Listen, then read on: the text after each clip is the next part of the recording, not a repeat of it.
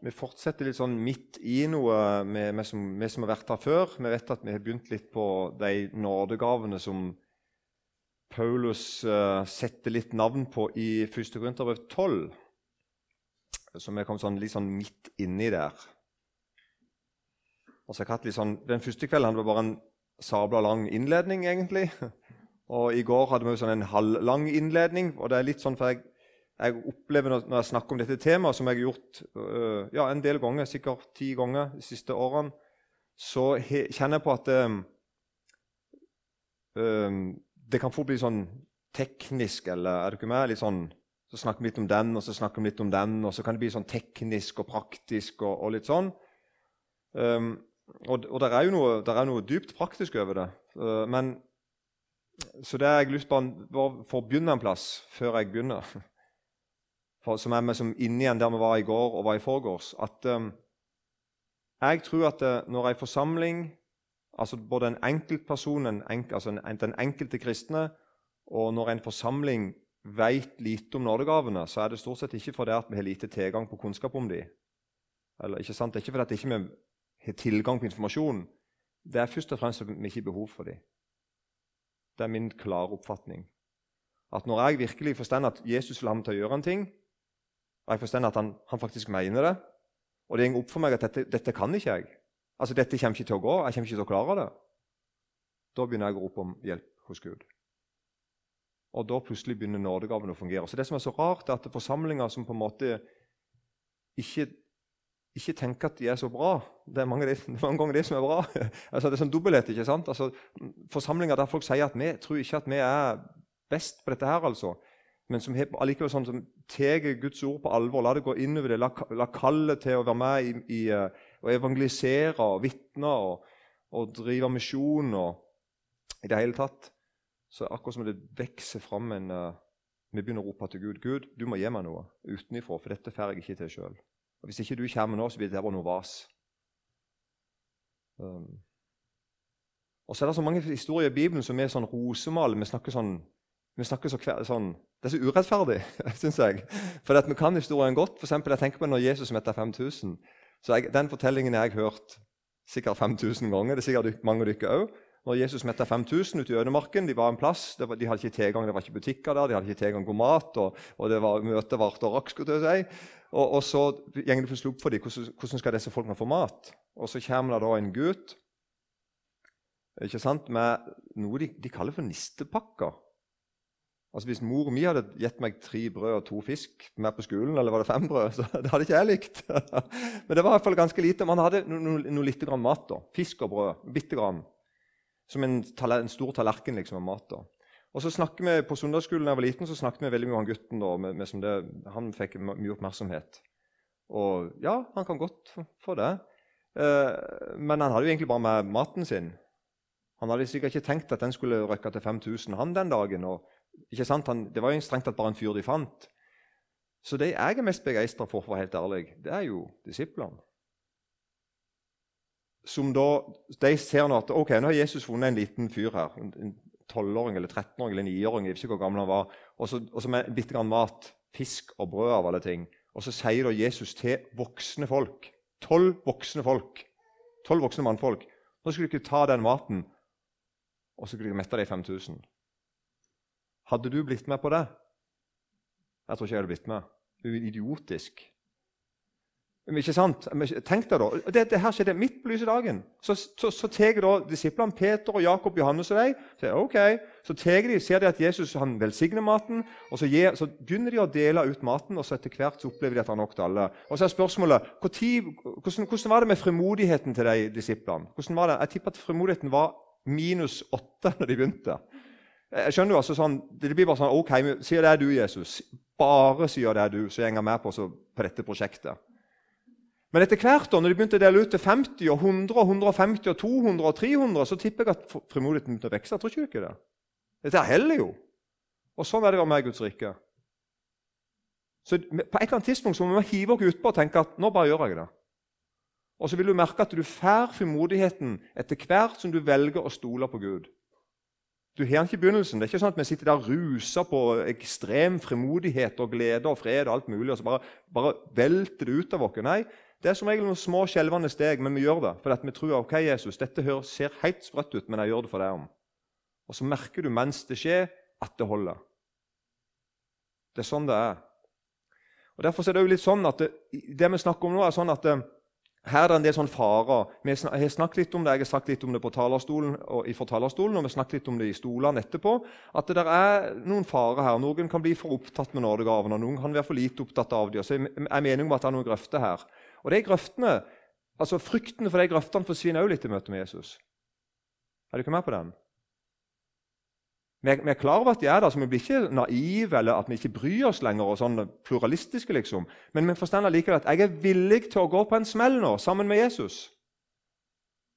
Jeg er villig til det. Jeg er villig til å gjøre noe som ser rart ut, kanskje for han som sitter på sida av meg òg. For jeg tror Jesus har bedt meg om å gjøre en ting. Og det ber jeg om Jesus, at du må komme nå og så gi oss en, en brann og en nød og en trang og en tillit til deg. Det ber jeg om, Jesus. Amen. Vi leser bare for sammenhengen sin del det som står i 1. Korinterbrev 12. 1. Korinterbrev kapittel 12 og vers 4 og utover. Det er forskjell på nådegave, men ånden er den samme. Det er forskjell på tjeneste, men Herren er den samme. Det er forskjell på kraftige gjerninger, men Gud er den samme, Han som virker alt i alle. Og de her versene liker jeg. Jeg elsker de versene, for det forteller oss at det er forskjell. Vi er så redd for vi som stikker oss ut og være forskjellige. Alle skal ha med, og alle skal ha det likt. og duddi, duddi, du. Er det ikke mer sånn, veldig sånn Bibelen ser rett ut. Der er forskjell. Der er forskjell på oss kristne, og der er forskjell på de gavene vi får. Men han vi får de av, er alltid den samme. Men, ånden, men åndens åpenbarelse blir gitt enhver til det som er ganglig.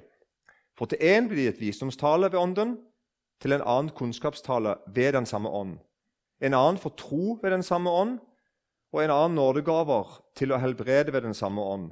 En annen for kraft til å gjøre undergjerninger, en annen gave til å tale profetisk, en annen gave til å prøve ånder. En annen for ulike slags tunger, en annen tydning av tunger. Alt dette virker den ene og samme ånd, som deler ut til hver enkelt ettersom han vil. Amen. Og Da fikk vi som ei, ei liste som altså ikke er ei, ei liste, ei fullstendig liste, men det, som, det, er de begrepene som han bruker i, i, det vi har lest. Og Da ser du det er streker ved noen for de vi har hatt om til nå. Visdomstale, kunnskapstale og gaven til å tro. Og nådegaver til å helbrede. Og Det skal vi jo komme litt mer tilbake på seinere. Jeg skal snakke litt mer om, om uh, helbredelse. Men vi var inne på det på slutten i går. Så i kveld fortsetter, fortsetter vi bare da i den rekkefølgen de stender. Kraft til å gjøre undergjerninger, gave til å tale profetisk, gave til å prøve ånder og ulike slags tunger og tydninger av tunger.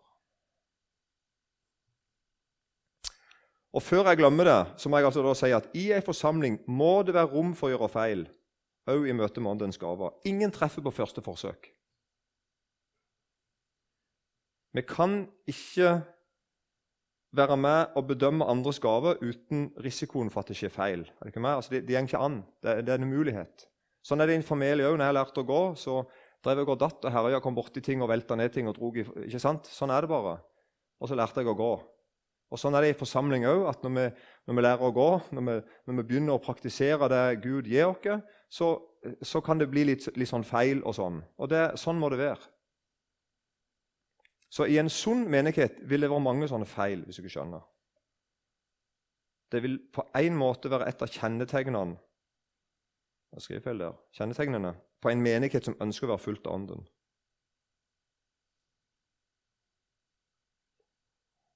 Jeg husker da jeg var liten, og det var noen nykristne som vitna på bedehuset hjemme i Eiken. og Jeg satt på siden av mor og far. så husker jeg alltid at Når folk vitna veldig herlig om Jesus, så merket jeg at far min han tolererte nesten hva som helst fordi at han merket at de var grepne av Jesus. er det med? Hvis du la det så vekk, vekk sånn skepsisen med en gang. Her kommer noen folk som er grepne av Jesus. Det er godt å høre på. Ja, Han gikk litt rart, han snakket litt rart, han lukta litt rart. og et eller annet sånt. Ja, ja, det får være det samme. Er du ikke med på den? Akkurat som du som tenker ja, det er godt, jeg, jeg tolererer litt. Det er vel derfor du ikke slipper meg òg inn her, tenker jeg. Men er det ikke med? Altså, det, det, er litt sånn med, med Evangeliesenteret kommer. Sant? Åpne opp døren, la de komme inn. Altså, de, det, det, det, er som i hytt og vær mange ting, men ikke alle ting. For de de har sett Jesus, og vi, be, vi blir grepen av det med en gang. Og Sånn er det i en sunn menighet, akkurat som i en sunn familie. At vi er på en måte oss sjøl, og så er det rom for å prøve og feile. Men det er rom for å bli det og snakke til litt. selvfølgelig. Det må det òg være rom for. Det må jeg tåle. Men òg at det er rom for å prøve og feile. Derfor er det sånn at Noen menigheter de kompenserer med dette her med å lage regler. Noen sier at, her, at de er imot alt nytt, for da slipper vi alt sånn. Da er det ingen velting av vaser. For her? Da er det ingen uro, ingen bråk, for her er vi imot alt som er nytt. og her skal alt være som før. Det er en fin måte å kompensere på. Da slipper vi på en måte de der gnisningene og de der familiekranglene. Er du med? Eller vi kan andre kompensere med, med å si at vi er med, vi er med på alt. På en måte. Jeg tror at veien er ikke en gyllen middelvei, men veien er en annen vei. Det, det er på en måte å forstå at uh, et Guds barn som møter Gud, og som blir utrusta av Gud, vil antageligvis trø litt feil på veien, på sin vei etter å følge Jesus. Samme hvor nådegave det er. Og Da vil jeg i fall være med på å lage en, et miljø der, der, der, det går an. La oss si, bare for å ta noe, la oss si at du sitter på et møte. Eller la oss si at du sitter her nå i kveld, og så merker du at uh, jeg har noen ord inni meg som jeg lurer på om kanskje er ifra Gud og som jeg ikke forstår en døyt av. Det er noen ord som presser seg fram. Kanskje noen her inne har opplevd det. det vet, jeg, jeg, kjenner ikke dere så godt. Og så tenker du tenk, er dette noen ord som skal fram. Det skal ganske mye til å tørre å gjøre det. Skal det ikke det? Å reise seg og, og si noe, eller, eller spørre om er det noen her som kan tyde tunga tale, f.eks. Men vi begynner da med den første, da, som er en annen for kraft til å gjøre undergjerninger. Det er kanskje den nådegaven som jeg har minst fornuftig å si om. For det, eh, det er ikke én fornuftig ting å si, iallfall. Men jeg tror det er riktig å si at det er akkurat som uforklarlige ting som skjer. Farer blir unngått, eller mennesker blir hjulpet ut av store problemer. Og jeg tror jeg har sett én ting om denne nådegaven. For det er en nådegave. Det er noen altså som får en kraft til å gjøre undergjerninger. Eh, og Før så tenkte jeg at det, jeg så ikke at de får kraft til å gjøre det, jeg så bare at de gjorde det. Jeg så Før så jeg at det er noen som gjør undergjerninger. Men der står at de får kraft til å gjøre undergjerninger. Og det tror jeg er en, en viktig ting. Jeg, det, det, som jeg kommer på når jeg tenker på, det, på, på undergjerninger, det er sånn typisk historie for bibelsmuglere. Der leser du veldig mye broder Andreas og Kurt Westmann og mange andre kjendiser som kan fortelle om sånne svære ting som skjer. sånn helt rare ting, ikke sant? At det kommer to grensevakter og kikker inn i bilen din, og han er full av bibler, de ser ingen, liksom. og Altså sånn, Helt sånn spektakulære ting liksom som skjer. Eller historier for mange kriger der folk blir redda på helt uh, unaturlig vis. Og ikke snakke om misjonærer som kan fortelle om mange sånne helt sånn rare ting som skjer. Men òg i redningsarbeid og ikke minst i familieliv. At familier, mor og far kan fortelle om ting som skjer i familielivet, som er helt sånn Det var et under. Unger som har unngått døden på helt sånn underfullt vis. Um, dette må vel være litt sånn hvordan det kanskje kan se ut å oppleve undergjerninger. Her er det to som sitter i fengsel innerst i fangerommet, og føttene deres var satt fast i stokken. Men ved midnattstid holdt Paulus og Silas bønn og sang lovsanger til Gud, og fangene hørte på dem. Da kom det med et sterkt jordskjelv, så fengselets grunnvoller rista, og straks sprang alle dørene opp, og lenkene falt til alle fangene. Det må være en kanskje litt sånn fortelling. At, uh, tenk å fortelle det, at jeg opplevde det. Um, det er akkurat som at Herren setter deg, altså Gud setter deg i situasjoner du ikke er herre over. Du visste på en måte at det var en viss risiko når du sa ja, men du sa likevel ja. Kurt Westman han forteller, eh, tre, Jeg har hørt to-tre av hans fortellinger om dette, som er utrolig du, kanskje, han, han har vært her en del, har han ikke det? Så jeg skal ikke prøve å gjen, Han er flink til å fortelle i tillegg, så jeg skal ikke prøve å gjenskape det. Men han forteller sånne fortellinger der han har opplevd å bli altså, der Han egentlig, han forteller om noe som skjedde, og så, når, jeg, når han forteller, tenker jeg ja, det var vel ikke akkurat sjokkerende at det skjedde. tenker jeg. Du, du ga deg ut på et farefullt oppdrag. Ja, jeg gjorde det, men jeg, jeg ville det. Og så stender du der da med et gevær i ryggen, f.eks. Det vet jeg at Kurt Westman bl.a. har gjort. Det er noen folk som er sånn at de, de tenker at jeg vil, jeg vil, gå og gjøre noe som Ja, det er risikofullt, men jeg, jeg skal gjøre det for deg om. Og så skriver jeg da at mens vi andre rundt deg har en tendens til å bli imponert over deg og dine opplevelser, så snakker du mer om din Herre. Og Gud må jobbe med deg, sånn at du ikke blir stolt og sjølhjulpen i egne øyne. Og det er kraften, har jeg tenkt. Kraften altså, til å gjøre undergjerninger ligger i det at, at, du ikke blir cocky eller ovenpå eller sjølhjulpen, men rett og slett at Gud steller sånn med deg at, du, at det ikke skjer. Og den, den, største plassen jeg har funnet i Bibelen til dette, er jo, er jo Paulus, da, som sier rett ut og for at jeg ikke skal opphøye meg av de overmåte store åpenbaringene, har jeg fått en tårn i kjødet. Sier rett, Bibelen sier det rett ut at det var grunnen. Altså, Paulus hadde så svære opplevelser at han sier at det, det, det måtte skje noe med han, en Satans engel som slår han, for at han ikke skal opphøye meg. Om denne ba jeg Herren tre ganger at han måtte vike fra meg, men han sa til meg, 'Min nåde er nok for deg, for min kraft fullendes i skrøpelighet', eller i svakhet. Derfor vil jeg helst rose meg av min skrøpelighet, for at Kristi kraft kan bo i meg. Og Jeg tror at de som har denne gaven, og som opplever mange store ting, at de òg kan kjenne seg ikke akkurat, akkurat som Paulus, at de kjenner det igjen. At Gud steller sånn med meg at jeg på en måte tåler det og opplever sånne svære ting. Jeg, jeg bærer det uten at jeg blir sjølhjulpen og ugudelig. Og Vi ser det òg når Jesus sendte ut de der 70, to og to, og så kom de glade tilbake i Lukas 10, 17, så kommer de glade tilbake til, til Jesus, og er de helt i 100. og det, det, er fint å se at de er, og det skal de være. Og de sier, de 70 kom glade tilbake og sa, 'Herre, til og med de onde åndene adlyder oss i ditt navn.' Det var jo kjempe, Gud hadde, Jesus hadde sagt at det skulle skje, og så kom de tilbake og sa ja, det skjedde. liksom. Det, uh -huh, og de var glade for det. Og det, det, det sier ikke Jesus at det var dumt. Han, Jesus bekrefter det, og så sier han at jeg så at Satan falt ned fra himmelen som et lyn.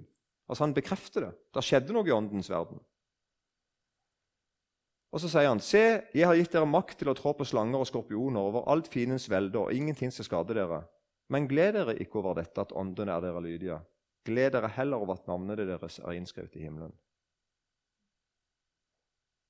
Viktig.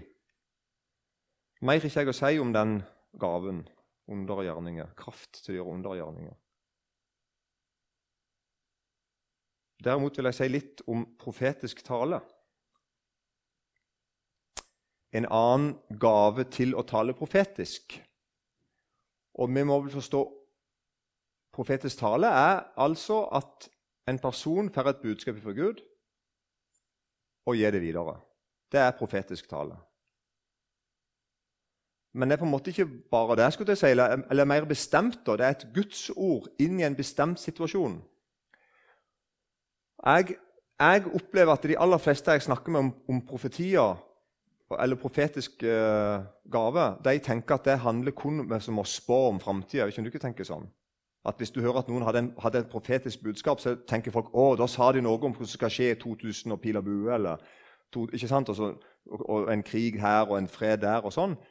Og så tenker vi at det er det som er profetisk tale. Og det er nok òg innenfor det å, å, komme med en profeti. Men profetisk tale er først og fremst at Gud gir budskapet til en person som bringer den budskapet videre inn i en bestemt situasjon.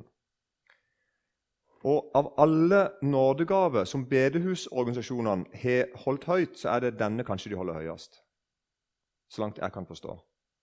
Når jeg har sett tilbake fra 1890-tallet, liksom. At det bedehusorganisasjonene tenkte, var at um, vi trenger et profet, vi, trenger, vi, vi, vi, vil være en profetisk bevegelse som får ordet fra Gud. Og så vil vi forkynne det ordet. Vi vil sentrere arbeidet vårt rundt det. Vi kan, vi kan, forkynne det, undervise det og vitne om det, og vi kan synge om det på forskjellige måter. Mange, det er mange former, men det er sentrert rundt det profetiske budskapet. Er du ikke enig i dette? Dette er jo bare noe jeg nå påstår. men altså, jeg opplever Når jeg leser misjonshistorie eller bedehushistorie, så tenker jeg at dette er en profetisk bevegelse. Uh, og de er såpass radikale og var såpass radikale at det gikk foran utdannelse, f.eks. Og Derfor må vi si noe da, at um, alle kristne har noe å si om Jesus. Så det er ikke det vi snakker om.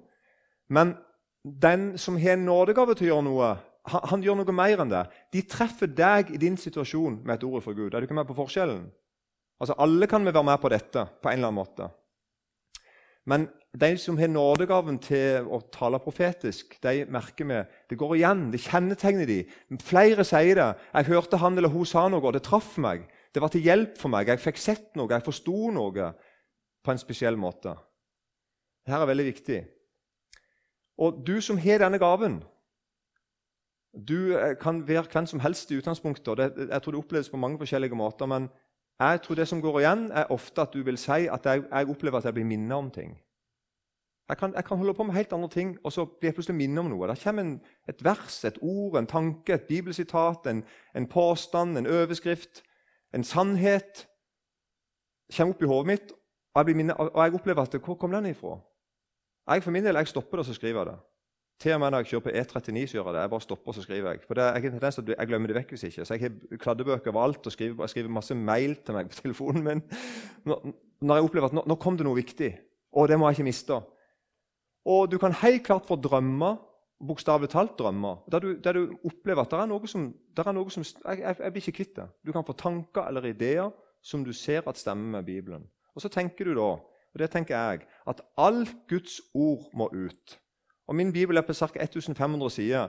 Og da er Jeg klar over det at jeg kan ikke gi alt det til dere her i løpet av en kveld eller i løpet av en uke. Så jeg forstår at jeg må, altså Gud må velge ut noe. Hva er det Lura du skal høre i kveld? Hva er det du skal høre i dag? Ikke sant? Det er det det, det, er det, det dreier seg om.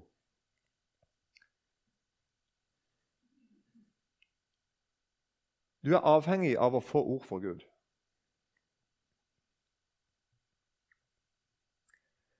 Og da er det, særlig, det er to viktige ting nå. Du som har denne gaven til å tale profetisk. og Det er ikke sånn at du må være holde på med det på heltid eller ha det som jobb. eller, Nei, det er ikke sånn. Men du som har denne gaven, at du får ordet fra Gud som du skal gi videre på denne måten Du er avhengig av ordet fra Gud. Og Bibelen er, setter du høyt, skulle jeg si. Og jeg vil si noe mer, Bibelen har tak på deg. Du merker kanskje av og til at du tror at du har litt taket på Bibelen, men så må du erkjenne at nei, det er Bibelen som er taket på meg. Du er med på forskjellen. Du er liksom eid av Guds ord. Så når Gud sier at du må gå, så går du. Men det er én ting til, og det her er veldig viktig, og her går vi litt feil. Det er én ting til som en profet er helt avhengig av å følge med på, i tillegg til Guds ord, og det er tida. En profet som ikke følger med i tida, han, han gjør ikke jobben sin, skulle jeg si.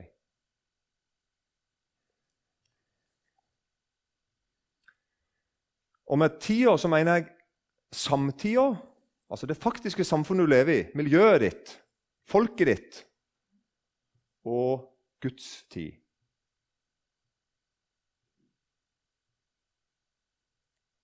Dette er veldig viktig.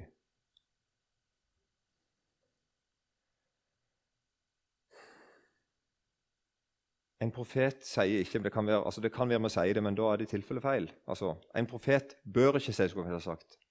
En profet sier, tenker ikke sånn. Det kjennetegner ikke en profet. I min tid Har du hørt sagt det? Forferdelige ting å si. Det, men det er det, altså. Det er trist. Når det står en, en, gammel mann her på talerstolen, her, så sier jeg til dere nå Du vet, i min tid Og da hører dere med en gang. Oi, shit. Når er han ifra? Er dere med på hva jeg mener? Og Grunnen til at ikke en profet snakker sånn og tenker sånn i min tid, er for det første at profeten lever ikke i fortida. Å følge Gud er ikke nostalgi. Å følge Gud er ikke å, å, å, få tilbake gamle dager.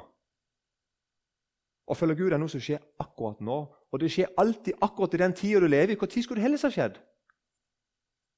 Og Det forstår en profet kanskje mer enn noen andre. Det er nå det gjelder. Når kan du møte Gud? Nå. Ikke i går. Egentlig kanskje ikke i morgen heller, for vi vet ikke om morgendagen kommer. Men i dag kan du søke Herren. Sånn snakker en profet, ikke sant? Så Det er den første grunnen til at han ikke sier 'i min tid'. For det høres ut som at det, det høres ut som det skjedde noe galt. I min tid. Oi, har du mista tida di? Eller ble tida di igjen? Og så, Hvilken si tid lever du i nå? Noen andre sin tid? Skjønner du ikke? Det er en trist ting å si. Og det andre er profeten tror ikke at ingen tid er hans allikevel. Det er en litt sånn hoven ting å tenke. At jeg har tid som er mi. på en måte. Nei, det har jeg ikke. Jeg er bare her. Ikke sant? Var du ikke med på dette? Eller var jeg irriterende eller provoserende? Jeg følte at jeg traff et eller annet sånn halvveis irriterende. Men dette her er, dette, jeg, jeg, føler at dette er det viktigste jeg sier hele den veka jeg er på lura. så det er det jeg vil legge ut. Altså Kristne som på en måte melder seg ut av tida vi lever i fordi at hun er for fæl til å leve i, eller noe sånt, det, det, det er bare tragisk. Og tenk deg, Når var det Jesus ble født? I tidens fylde. Eller på nynorsk står det da tida var fullkommen. Har du sjekka den år null? Har du sjekka hvordan den tida var der Jesus ble født? Var det bra? Var det bra tid? Var det fett, liksom? Passte det godt at Jesus ble født da? Var det sånn at alle sa 'Å, nå var det godt du kom'? Ja, det passet godt. Nei, nei, Han ble jo hata. Han måtte jo flykte til et annet land og greier. Det var ikke plass til han. Hva i all verden var fullkomment med den tida Jesus kom i? Hvis du spør meg, Jeg vet ikke, jeg vet bare at Gud har sagt det var fullkommen tid. Og Nå lever jeg i den tida, nå lever vi i den tida vi lever i nå. Og Den må vi forholde oss til. Det er i dag Herren kaller. Det er i dag Herren er allmektig. Det er i dag folk kan møte Gud. Ikke i går og ikke i morgen, men i dag. Helt, vi må bare sånn bukk ned, altså smukk ned i virkeligheten. Så hvis jeg, hvis jeg ville velge en tid som er min, så ville jeg velge i dag. Hvis jeg måtte velge og si at dette ja, For det er nå ting kan skje. En profet sier noe viktig til riktig tid på en riktig måte til deg inn i livet ditt. Dette kom på helt sjøl. Og Derfor måtte jeg skrive med store bokstaver. Men er du med på den? Altså En profet det er en som sier noe viktig til riktig tid på en riktig måte til deg rett inn i livet ditt. Det er faktisk mange ting på en gang.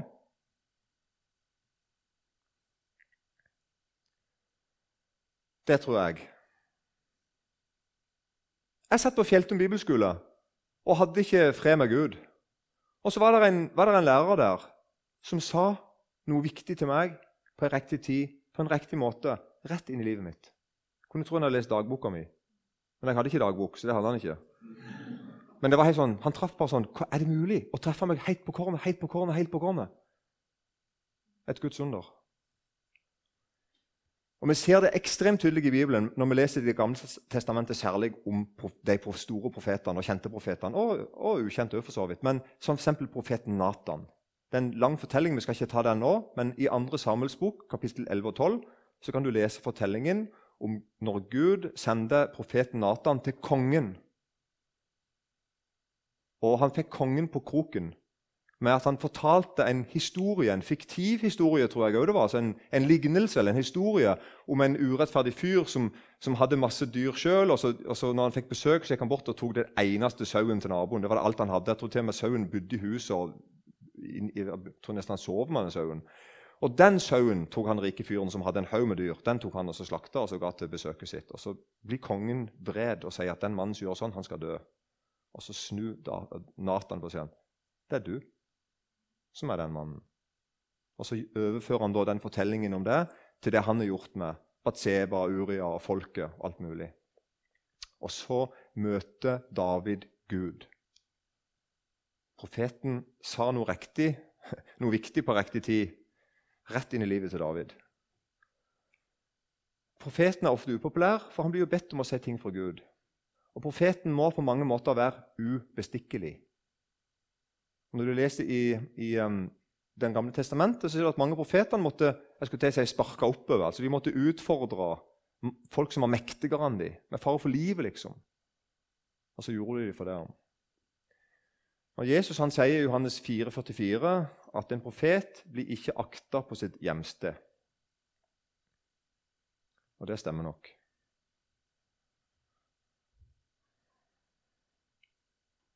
Det var det jeg ville si om profetisk tale, tror jeg.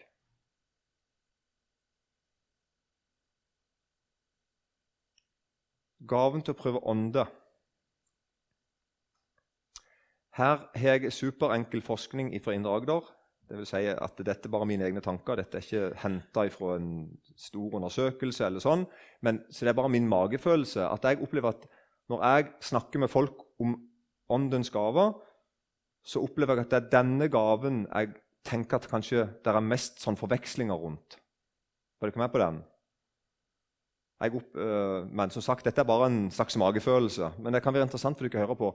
Og Grunnen til at jeg sier det, er det at uh, i Bedehus-Norge så er vi lært opp til å gjøre sånn Jeg håper det er sånn at vi er lært opp til sånn som de som i Tessalonika, som hadde et edlere sinn, som tok imot ordet med all godvilje og granska hver dag i Skriftene om det forholdt seg sånn som det ble sagt.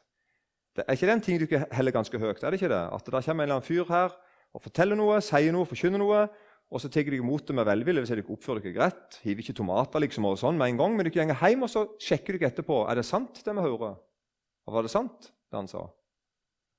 Og det, Da kan mange tenke at, oppleve at det må vel være det der å prøve ånde. på en måte, ikke sant? At det, handler ikke det litt om å prøve ånde? Derfor opplever jeg at på bedehus er det veldig mange som tenker at jeg tror jeg er gaven til å prøve ånde. Og da, da, tenker jeg at det handler litt om hvem vi er. Altså at det, Vi er vant med å tenke kritisk og, og, og bedømme. Um, men den som har denne gaven, han gjør nok det som de folk i Tessalonika gjorde, men, han, men, det er noe mer. Han, du gjenkjenner Guds ånd. Du ser mer enn rett og galt utenpå. Du skiller mellom ondt og godt. Og En kollega av meg som, i Logos som heter Geir Otto Holmås, han har sagt noe veldig godt. Han har sagt at nådegaven til å prøve ånde er egentlig en luktesans. Det syns jeg er et godt uttrykk. Det ligger nær opp til en luktesans. Altså Det er på en måte noe du må lukte deg fram til. Her lukter det ugler i mosen. ikke det? Eller, det, altså, det er noe sånn på en måte, og her, Nå skal vi ta litt om det. Du ser mer enn rett og galt. og med det så mener jeg at uh, Rett og galt kan alle kristne bedømme i. ikke sant? Hvis jeg sier noe som er galt, så kan alle kristne gå hjem og så sjekke det, så kan de komme tilbake og si det du sa, var galt. Det var ikke rett. ikke sant? Men det å prøve om det det er mer egentlig Det er, det er selvfølgelig Eh, det er selvfølgelig rett og galt, men det er, det er mer. Det er òg at de skiller mellom ondt og godt. Og Det er noen enormt gode for, uh, eksempler til deg i Bibelen. Det er, jo, det en lang fortelling. jeg vet ikke om vi skal ta den nå, men Den der fortellingen i Biliam som står i 4. Mosebok, det er for meg en sånn en fortelling. Der, når du leser den fortellingen i 4. Mosebok kapittel 22 og utover, det er vel 3-4 kapittel der, Når jeg leser denne fortellingen bare sånn, som en fortelling, så får jeg ikke tak i at det er noe galt med Biliam. Gjør du? Det er noe, rart, det er noe ra, visst rart, man, det, det sier jeg. Men han, han, sier mange ganger nei, jeg kan, ikke, jeg kan ikke gjøre noe som Gud ikke bedt om å gjøre. Gud, han går og ber til Gud. og Gud, ikke sant? Han, han er som en profet og, og har med Gud å gjøre. Og sånn, og, og er tilsynelatende i den fortellingen lydig. Og så var det det der med at det var et esel, og det, han snakket med et esel. og Det er jo litt spesielt, da. Men, men uh, Er det ikke meg? Jeg synes Det er en veldig god eksempel på noe vi ser, vi kan, som vi ser i Bibelen. Der på en måte, det handler ikke om hva Biliam altså Biliam, Det han sa, var på en måte rett. Men når vi da kommer til Johannes' åpenbaring, så kommer Jesus Kristus, og så åpenbarer han for oss noe om hvem Biliam var. Og Der ser vi at Biliam er som en av de, en av de fæle tingene som har kommet inn i menighetene. Han sier rett og slett her til menigheten i Pergamum at vi har noen få ting imot deg. Du har noen der som holder fast ved Biliams lære. Han som lærte Balak det var jo kongen, å legge anstøt for Israels barn og ete avgudsoffer og drive hor. Så her er altså poenget mitt altså at det, Når vi leser historien bare sånn rett fram om Biliam, så er det vanskelig å få opp, fange opp at, han, at det var noe galt med han. For det han sa og gjorde, var på en måte ganske riktig. Men så får vi så greie på at det var noe han ikke sa, og som ikke kom fram.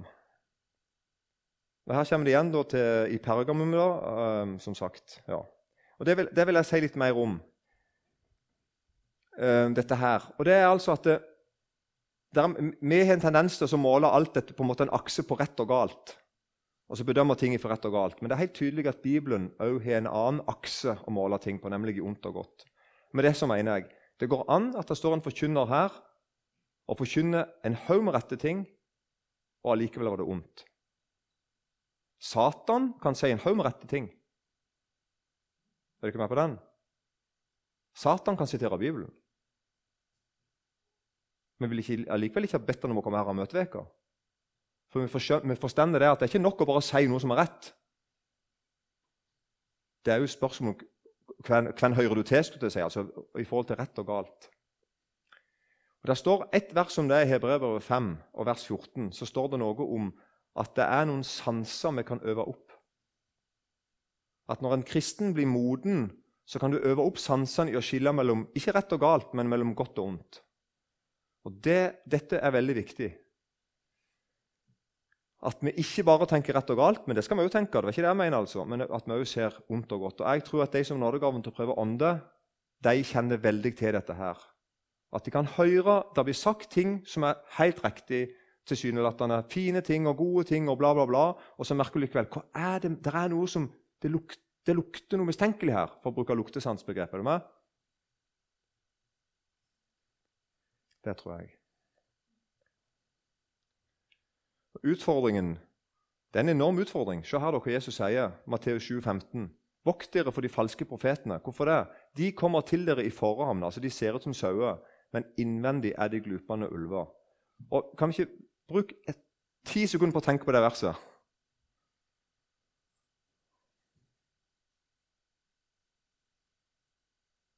For det er jo veldig vanskelig, det Jesus sier. Jesus sier ikke 'pass på, pass på når det kommer ulv inn i flokken'. og så vet Vi vi hvordan en ulv ser ut. De ligner ikke på en sau. Sant? har en helt annen farge og en annen snute. Nei, Jesus sier at nei, det kommer inn noen ulver i flokken, men de ser ut som sauer. Og Da skjønner vi at her må vi ha en gave som kan mer enn bare se det utvendige. Vi må ha noen som kan kjenne igjen en ulv som er kledd som en sau. Det er vanskelig. Så vi kan altså avsløre mye på ting som blir sagt. Kan, det kan alle kristne. Og vi kan avsløre ting på fruktene, altså konsekvensene. Og sånn sett er alle kristne et ansvar. Men noen har fått en gave til å prøve, altså teste, bedømme åndene. Og Bibelen går så langt at han sier til meg at vi kan lure oss sjøl.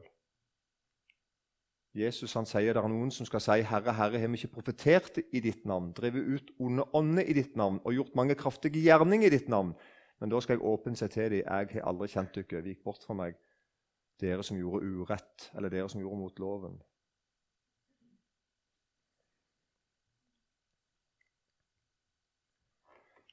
Så du som har denne gaven, du er ømfintlig. Er det et ord vi bruker? Ømfintlig? Du er var. Du er fintfølende. Veldig. Ting kan plutselig gå i magen på deg. eller jeg tror ofte det er magen. faktisk. Jeg har hørt i de fleste jeg snakker med. At det, på en måte, du, du, du, du, reagerer, altså følelsesmessig reagerer. Du kjenner at det, er, det lukter rart her. Du blir mistenkelig på noe. Og Derfor så har jeg òg forstått at um, mange kan kjenne på sånn en frykt for altså, Du står i fare for å bli dømmende. Du, du, du, ser et eller annet og er redd for overalt, og så er faren kanskje at det blir litt sånn. At det aldri er godt nok. på en måte. Det er sikkert noen farer knytta til dette. her. Og Derfor har jeg sagt at jeg tror du behøver mer enn andre, hvis det går an å si, å vite at, at du heller ikke er uten feil, og at Gud elsker deg ufortjent. Og jeg tror òg at vi andre rundt deg, vi skylder deg og behandler deg med respekt for at du er sånn som du er. Er du med på den? Akkurat som vi som har et fint maskineri her. Vær, litt, vær forsiktig med det. han er litt sånn finskrudd, han her eller hun her. De er litt sånn finskrudd sammen. Vær litt grei med dem. For vi behøver dem noe helt vanvittig i Guds menighet. Og Jeg har skrevet her at du hører forbi ord og vendinger, du liker ikke klisjeer. Egentlig skrev jeg du hater klisjeer, men det var et litt voldsomt ord. Men jeg mener egentlig det. Du, du, kjøper, du kjøper, ikke retorikk, du kjøper ikke, du kjøper ikke, snakk. på en måte. Du, hører forbi, rett forbi det. Andre kan liksom bli 'Å, han siterte Øyvind Andersen. Det var fint.' sant? Og, oh, oi, og litt Wisløff og skjønner du, at litt sånn, så blir, Han blir en del betrygga, skal ikke mer til. Men du kjenner Nei, nei, nei. nei, nei, nei. Det, han kan sitere nissen om han vil. Hans Erik, altså, nissen. Uh, om du vil. Men du kjenner på nei, jeg hører forbi det. Jeg lar meg ikke være som begeistra av at nå blir de riktige tingene sagt på den riktige måten. Nei, nei, nei, du hører rett forbi det. Det er veldig viktig. Og det behøver vi. Og Jeg tror òg at du er interessert i bibelsk lære, med det som er litt sånn dogmatikk. Du, du, tenker fort litt sånn systematisk om noe. Du, så du, ja, jeg, jeg, ser for meg det. Jeg sier ikke at du er en teolog, liksom, eller noe sånt, men altså at du, kjenner du er interessert mye i læresetninger. Du hører fort at ah, her går det utfor en bakke, tror jeg. Og Derfor er det sånn at du følger med i tida. Veldig. Du følger med i trender i tida. Du følger med hva som på en måte er inn i kristne miljøer. Så, så, du er ikke så opptatt av å bedømme du er ikke så opptatt, opptatt av å bedømme åndene som var på 70-tallet. For nå, nå, er nå. ikke sant? Så du er opptatt av det som skjer nå. Og Derfor er du en kjærlighet til Jesus som sannheten og som lyset. Og vi andre er avhengige av din gave. Og det er vi.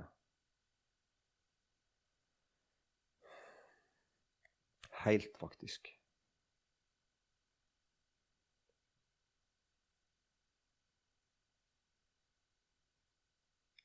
Og Så kommer vi litt tilbake til det senere en kveld, men la meg legge til at å prøve ånde er altså å avsløre fienden med stor F til sjuende og sist.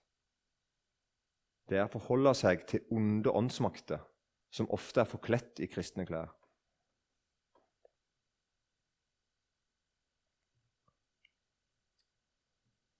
Og Så skal vi si noe om tunge, og for så vidt om tydning av tunge. De henger litt i lag.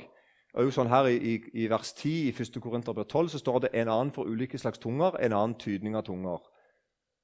Og, og kort fortalt, da, du som har denne gaven Det er kanskje noen her som har den. Uh, du har et språk som ikke er av denne verden. Og mange opplever at de kan be til Gud med det språket. Og samtidig opplever andre at de kan med hjelp av tydning komme med et budskap fra Gud til oss andre. Men vi skiller litt mellom, jeg litt tilbake til men vi skiller litt mellom det å be i tunge, som er noe en gjør til egen oppbyggelse, og det å ha et budskap til andre i tunge. At det er egentlig to forskjellige ting. Men de henger jo i, veldig lag, da. Og Noen har da begge gavene, altså både til å komme med et budskap i tunge og til å tye. Og Jeg har to vers som viser litt det. Det første er i 1. Korinterbrev 14, vers 5. Så står det for den som taler profetisk, er større enn den som taler med tunge. Hvis han da ikke tyer det, så menigheten kan få byggelse av det. Der ser det ut som at den personen som hadde tungetalen, hadde også tydningen. Ikke sant? Og i verset i 1. kor 14-13 La derfor den som taler med tunger, be om at, må, at han må kunne tyde det. Der òg ser det ut som at det, det, det, går an, det er mulig, at eh, den personen som har et budskap i tunge, òg kan sjøl komme med tydningen. Men ofte så er det jo sånn at det er to forskjellige i menighetslokalet. på en måte, I en forsamling så er det to forskjellige. og Det er jo noe fint med det òg. Det blir på en måte bekrefta av en annen. på en måte.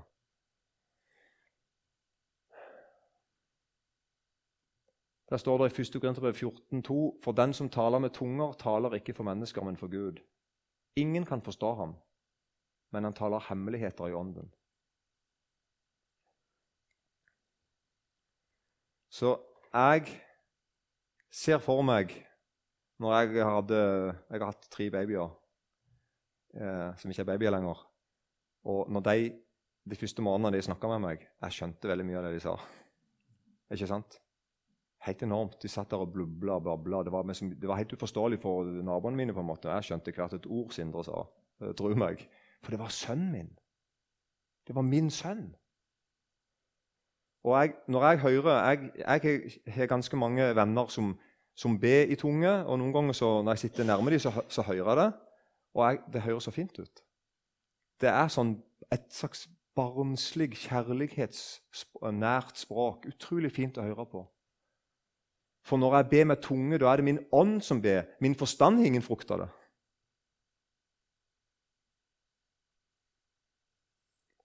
Et kjærlighetsspråk utenfor forstanden. Enormt fint. Og på en måte vil jeg si noe her da, det er det at alle kristne, alle som har Guds ånd, kjenner til dette. her. Du, du, vet, du, vet, hva jeg snakker om, på en måte, selv om ikke du sier at jeg har gaven til å, å, å få budskap i tunge, eller jeg ber ikke i tunge, så kan du si at jeg kjenner til, jeg skjønner hva du snakker om. Det der barnslige forholdet til Jesus. Det, det, det er jo det Bibelen sier. Dere fikk jo ikke trelldommens ånd. Vi fikk ikke ånd der vi var trelle og hadde frykt. Nei, vi fikk barnekårets ånd. Vi er barn.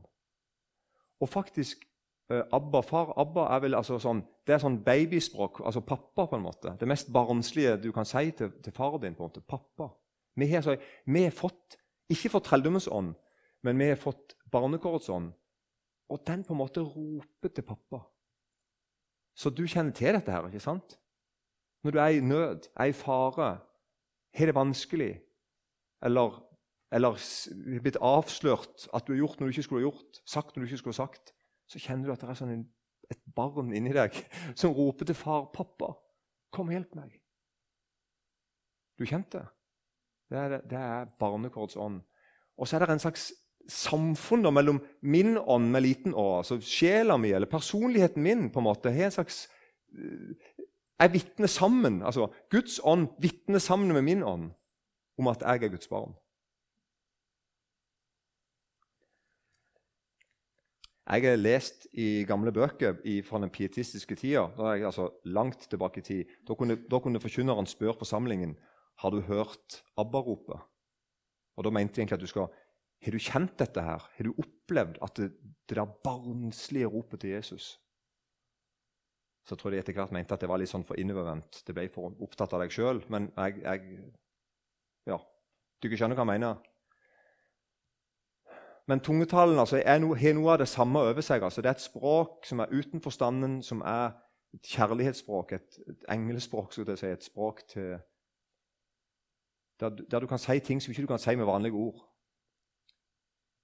Når det gjelder tydning, da Det at noen sier at 'jeg har et budskap' Dette er noe, dette er ikke en bønn mellom meg og Gud, men jeg, jeg har noe jeg skal si til denne forsamlinga eller si inn i denne gruppa. Du som har tydning, da, du hører tungetale, og så kan du oversette det til vårt språk. I dette tilfellet rogalandsk eller norsk. Ikke sant? Og så kan du oversette det til det. Og da, da sier jeg det bare, Her vil jeg gjerne, Hvis noen har, har andre erfaringer, så bare kom med dem. Jeg har to erfaringer. Jeg kjenner noen som har denne gaven til å tyde tunge, som sier, særlig en, en, litt eldre mann som jeg snakker mest med, han sier at han er akkurat som en, en, han er akkurat som en ordbok der det ordet der på tungemålsk betyr det samme hver gang. Så han, han hører igjen språket, så oversetter han ord for ord. Så En gang han skulle oversette noe, så sa han den setningen der skjønner jeg ingenting av. Men den setningen der, den, setningen der, den kjenner jeg igjen. Og så oversatte han den ene setninga. Liksom. Mens andre jeg snakker med, sier at nei, det er akkurat som at det, når noen taler i tunge, så, så får jeg som et bilde eller en oversikt. Eller, eller jeg, kan få, jeg, kan få, plutselig få et bibelvers foran meg. eller, er det ikke med? Så det er på en måte kanskje litt forskjellige måter å oppleve at du forstår budskapet på. Også da I fellesskapet så sier, sier Paulus særlig til korinterne, for de hadde, de hadde, det ikke sånn, så sier han at når noen taler i tunge, så bør den som taler i tunge, vite at det er noen i salen som kan tyde. Ellers på en måte forsvinner poenget.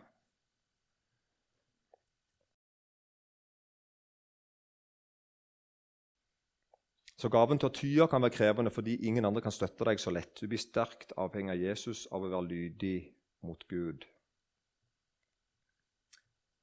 Og Så gjør det med til historien at nådegaven til å tale i tunge, eller vil si be i tunge, da, er den eneste nådegaven som Bibelen sier at du kan bruke til egen oppbyggelse. Alle de andre er på en måte vendt utover til andres oppbyggelse. Vi skal tjene hverandre med.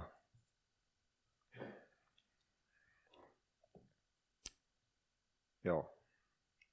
Så altså Vi skiller mellom bønn i tunge, altså personlig, intimt fellesskap i ånden, og budskap i tunge.